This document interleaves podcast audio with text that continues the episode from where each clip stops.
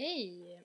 Jag heter Elin och jag är kompis till er pastor Stina och det här är Gunnar som är med mig. Och eh, jag har varit här nu sedan i torsdags för vi har varit ett helt gäng kvinnor som har varit här och överraskat Stina för Stina gifte sig ju i somras och så hann vill inte ha någon möhippa så vi har haft en fruhippa. Så det har varit så intensivt så att jag tror det var bra att jag erbjöd mig att ta den här predikan för jag insåg att Stina kommer inte hinna och förbereda när vi kommer ett helt gäng. Och det har varit så roligt att vara här. Vi överraskade henne i fredags. Jag kom på torsdagen och hon trodde att det bara var jag som skulle vara här. Och vi hade trevligt på torsdagskvällen och sen på fredagsmorgonen när Stina och jag skulle äta vår frukost så började det höras lite så konstiga ljud i källaren. Och Stina ringde till Tobias och man, vad håller du på med? Nej men jag är inte här. Eh, och så lät det mer och mer, Stina gick ett varv runt huset och så till slut så, nej men det är någon i källaren, det är nog en, en inbrottstjuv. Och så gick ner och så stod det ett helt kompisgäng på sju personer där. Jag har aldrig sett Stina så förvånad någonsin. Så det har varit jätteroligt, vi har haft det toppenbra här. Eh, men det är bara jag som kunde vara med på gudstjänsten. Jag bor närmast, jag bor i Stockholm, Bromma där jag är pastor. Men de andra fick åka iväg nu tidigt för de skulle till Östersund och Malmö och Göteborg och Årjäng. Men jag ska hälsa till er, de hade gärna velat vara med här, resten av gänget. Idag ska jag predika över Petrus. Temat är påskens vittnen på den här söndagen. Och jag ska läsa texten som handlar om när Petrus fick träffa Jesus efter uppståndelsen igen. Det står så här. Den uppståndne och lärjungarna vid Tiberias sjön. Sedan visade sig Jesus igen för lärjungarna vid Tiberias sjön. Det gick till så. Två av dem, Simon Petrus och Thomas, som kallades Tvillingen, och Sebodaios söner och två andra lärjungar var med. Simon Petrus sa till de andra, jag ger mig ut och fiskar. De andra sa, vi följer med dig. De gick ut och steg i båten, men den natten fick de ingenting. När morgonen kom stod Jesus på stranden, men lärjungarna förstod inte att det var han. Och Jesus frågade, mina barn, har ni ingen fisk?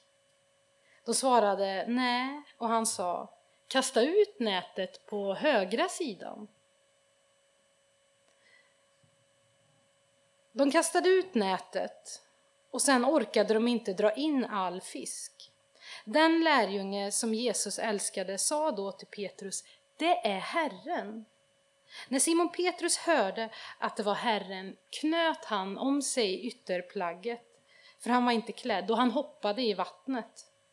De andra lärjungarna kom efter i båten med fångsten på släp.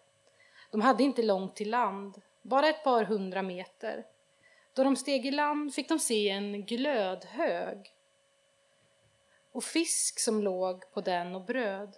Jesus sa till dem, hämta några av fiskarna som ni just fick. Simon Petrus gick upp på stranden och drog i land nätet som var fullt av stora fiskar, 153 stycken.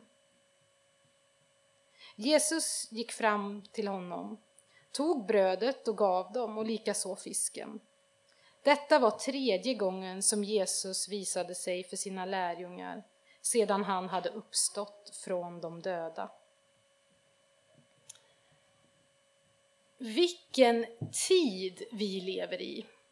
De senaste två, tre åren har verkligen varit speciella. Och de senaste två, tre veckorna, jag trodde aldrig att jag skulle få vara med om så mycket under min livstid. Jag kommer aldrig glömma den dagen, fastän det bara var en vecka sedan. Vad folk det hade samlats och jag var nästan medelpunkten. Ja, jag såg till att liksom gå lite framför och göra plats för honom så att han skulle kunna komma fram. Och det var en sån stämning. Folk la ner sina mantlar och palmblad och så ropade de Hosianna i höjden, välsignad är han. wow, så här kommer det vara nu. Ett folk som tar emot sin kung. Det var ju det här som vi hade väntat på så länge. Och kungen som intar sin tron och jag som också skulle få en framskjuten plats. Men ingenting blev som jag hade trott. Allting bara vände så snabbt och det blev hotfullt.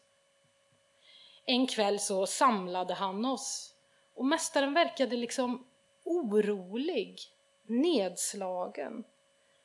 Och han sa någonting om dit jag går kan ni inte komma. Sen gick allting så fort. Vi gick utanför staden och helt plötsligt så var det en vaktstyrka där. Det måste ha varit översteprästens vaktstyrka och de grep mästaren. Jag tog till svärdet, men Jesus sa till mig att jag inte skulle använda det. Och det värsta av allt är att det verkar som att en av oss, Judas, hade någonting med det här gripandet att göra. Ah. Jag följde med på avstånd och ställde mig bland några andra människor och värmde mig lite. Det var kallt vid en eld. Och då kom det där ögonblicket som jag bara helst vill glömma. Det var någon som kände igen mig som sa, men du, var inte du en av dem som var med? Jag blev rädd. Tänk om de skulle gripa mig också? Allt mod bara rann ur mig och jag bedyrade att jag inte hade någonting med honom att göra. Det hände igen. Och plötsligt blev jag påmind om vad Jesus hade sagt kvällen innan vid den här måltiden. Och en tupp gol och jag förstod att jag hade förrått honom. Jag skämdes, jag sprang gråtandes därifrån. Det blev en rättegång och det kändes som att Pilatus ville egentligen frige honom. Men folket vädrade blod. Det var till och med samma människor som hade ropat Hosianna välsignade han som kommer i Herrens namn, som nu istället ropade korsfäst, korsfäst, korsfäst. Hur kunde det vända så fort? Jesus blev dömd och soldaterna följde med honom till avrättningsplatsen. Han spikades upp där och dog och han lades i en grav. Hur kunde allting gå så fel? Och jag följde allting på avstånd. Men sen hände något fantastiskt. En av mästarens vänner, Maria från Magdala, kom och sa att graven var tom, att Jesus hade uppstått. Jag och Johannes sprang dit direkt för att se och graven var tom.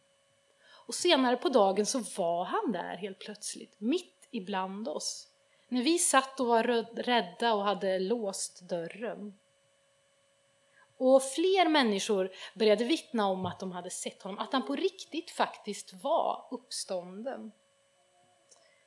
Men det här kanske bara var för fantastiskt för att vara sant. Det kanske bara var en hallucination trots allt. Vad skulle jag göra? Vad skulle vi tro? Skulle vi våga bryta vår isolering? Och vem var jag nu? Jag är ingenting utan honom. Han som kallade mig för Klippan. Jag var verkligen ingen klippa. Och som hade sagt att jag skulle leda lärjungarna. Jag som inte ens vågade erkänna att jag kände honom. Hur skulle jag klara det här? Nej, det fanns bara en sak som kändes rimlig att göra efter allt det här. Och det var att gå tillbaka till fisket. Det enda som jag kanske någonsin varit bra på egentligen. Att fiska. Men inte ens det var jag bra på. Den där natten när vi var ute fick vi inte en enda fisk. Jag kan inte ens fiska, jag är en sån loser. Vi gav upp. Vi bestämde oss för att åka in till stranden igen.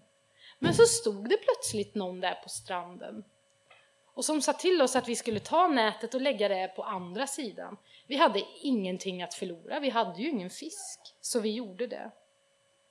Och genast fylldes nätet med fisk. Och då såg Johannes, som har bättre syn än mig, vem mannen på stranden var. Det var ju Jesus. Nu såg jag också det, det är ingen tvekan om vem det är. Och jag hoppade över båtkanten och vadade i land mot Jesus. Och mina vänner tog resten av fisken som vi knappt kunde få med oss. Jesus bjöd oss på mat och det kändes nästan som vanligt, nästan som en vanlig dag. Men hur skulle det gå för mig och vad tänkte Jesus om mig, jag som hade övergivit honom? Kan jag någon mer gång vara värd hans förtroende?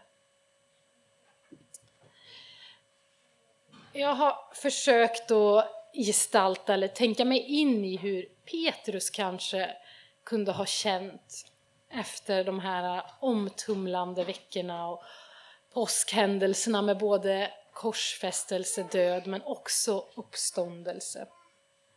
Han var nog ganska mycket som folk i allmänhet, som du och jag. Inte liksom någon sån där superhjälte direkt.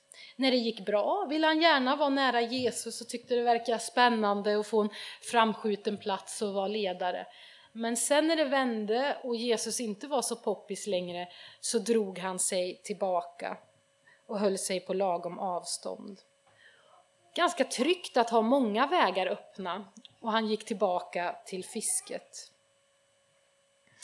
Texten som jag läste i början var ifrån Johannesevangeliet 21 och jag ska fortsätta att läsa lite om hur det blir för dem när de till slut får prata med varandra, prata ut Jesus och Petrus.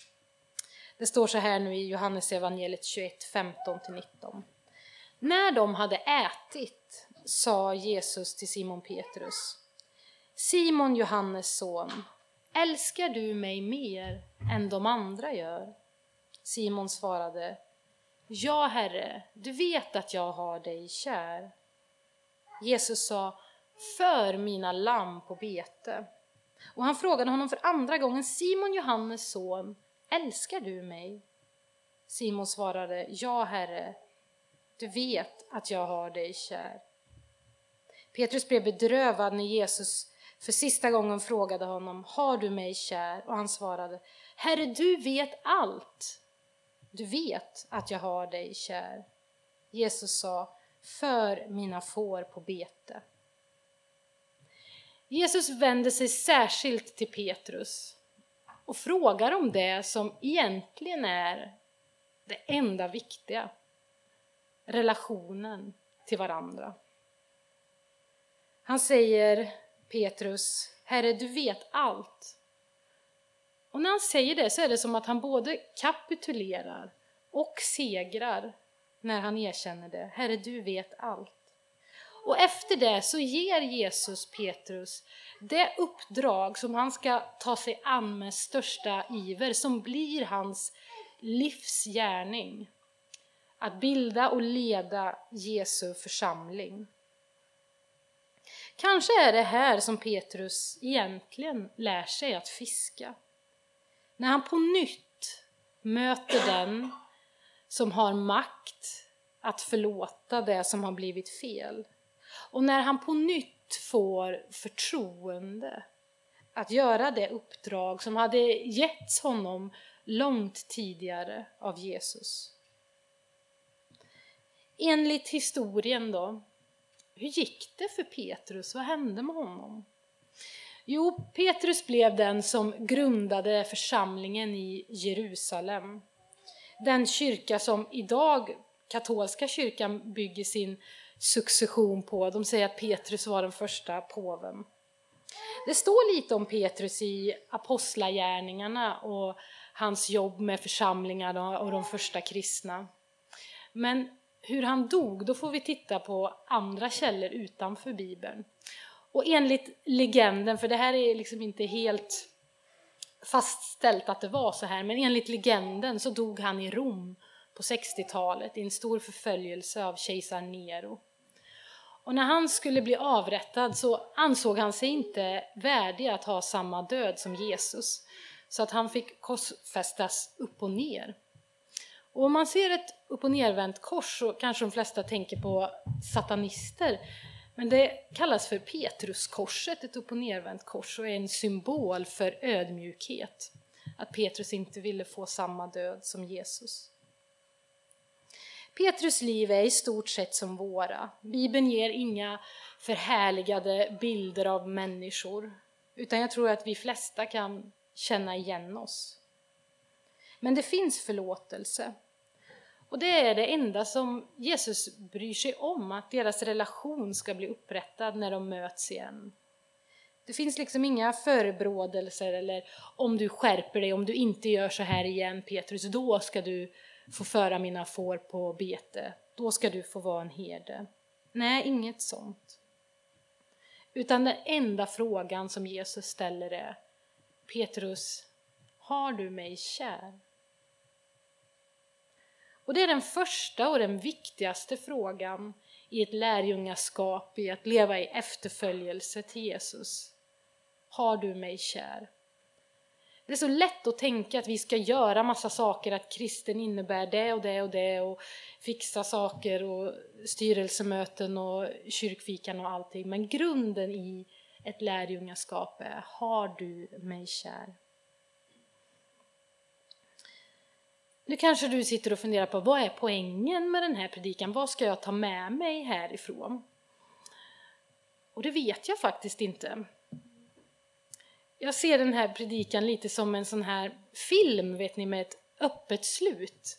Så man inte riktigt vet hur det slutar, utan jag tänker att ni får avsluta den här predikan själva. Vad finns det i Petrus liv i mötet med den uppståndne som liksom slår an någonting hos dig?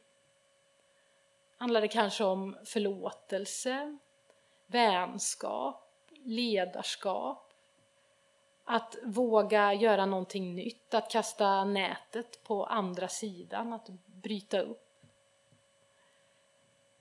Det får du fundera på och göra färdigt den här predikan. Vad slår an någonting i dig utifrån Petrus liv. Och det viktigaste, har du mig kär? Det är där det börjar. Amen.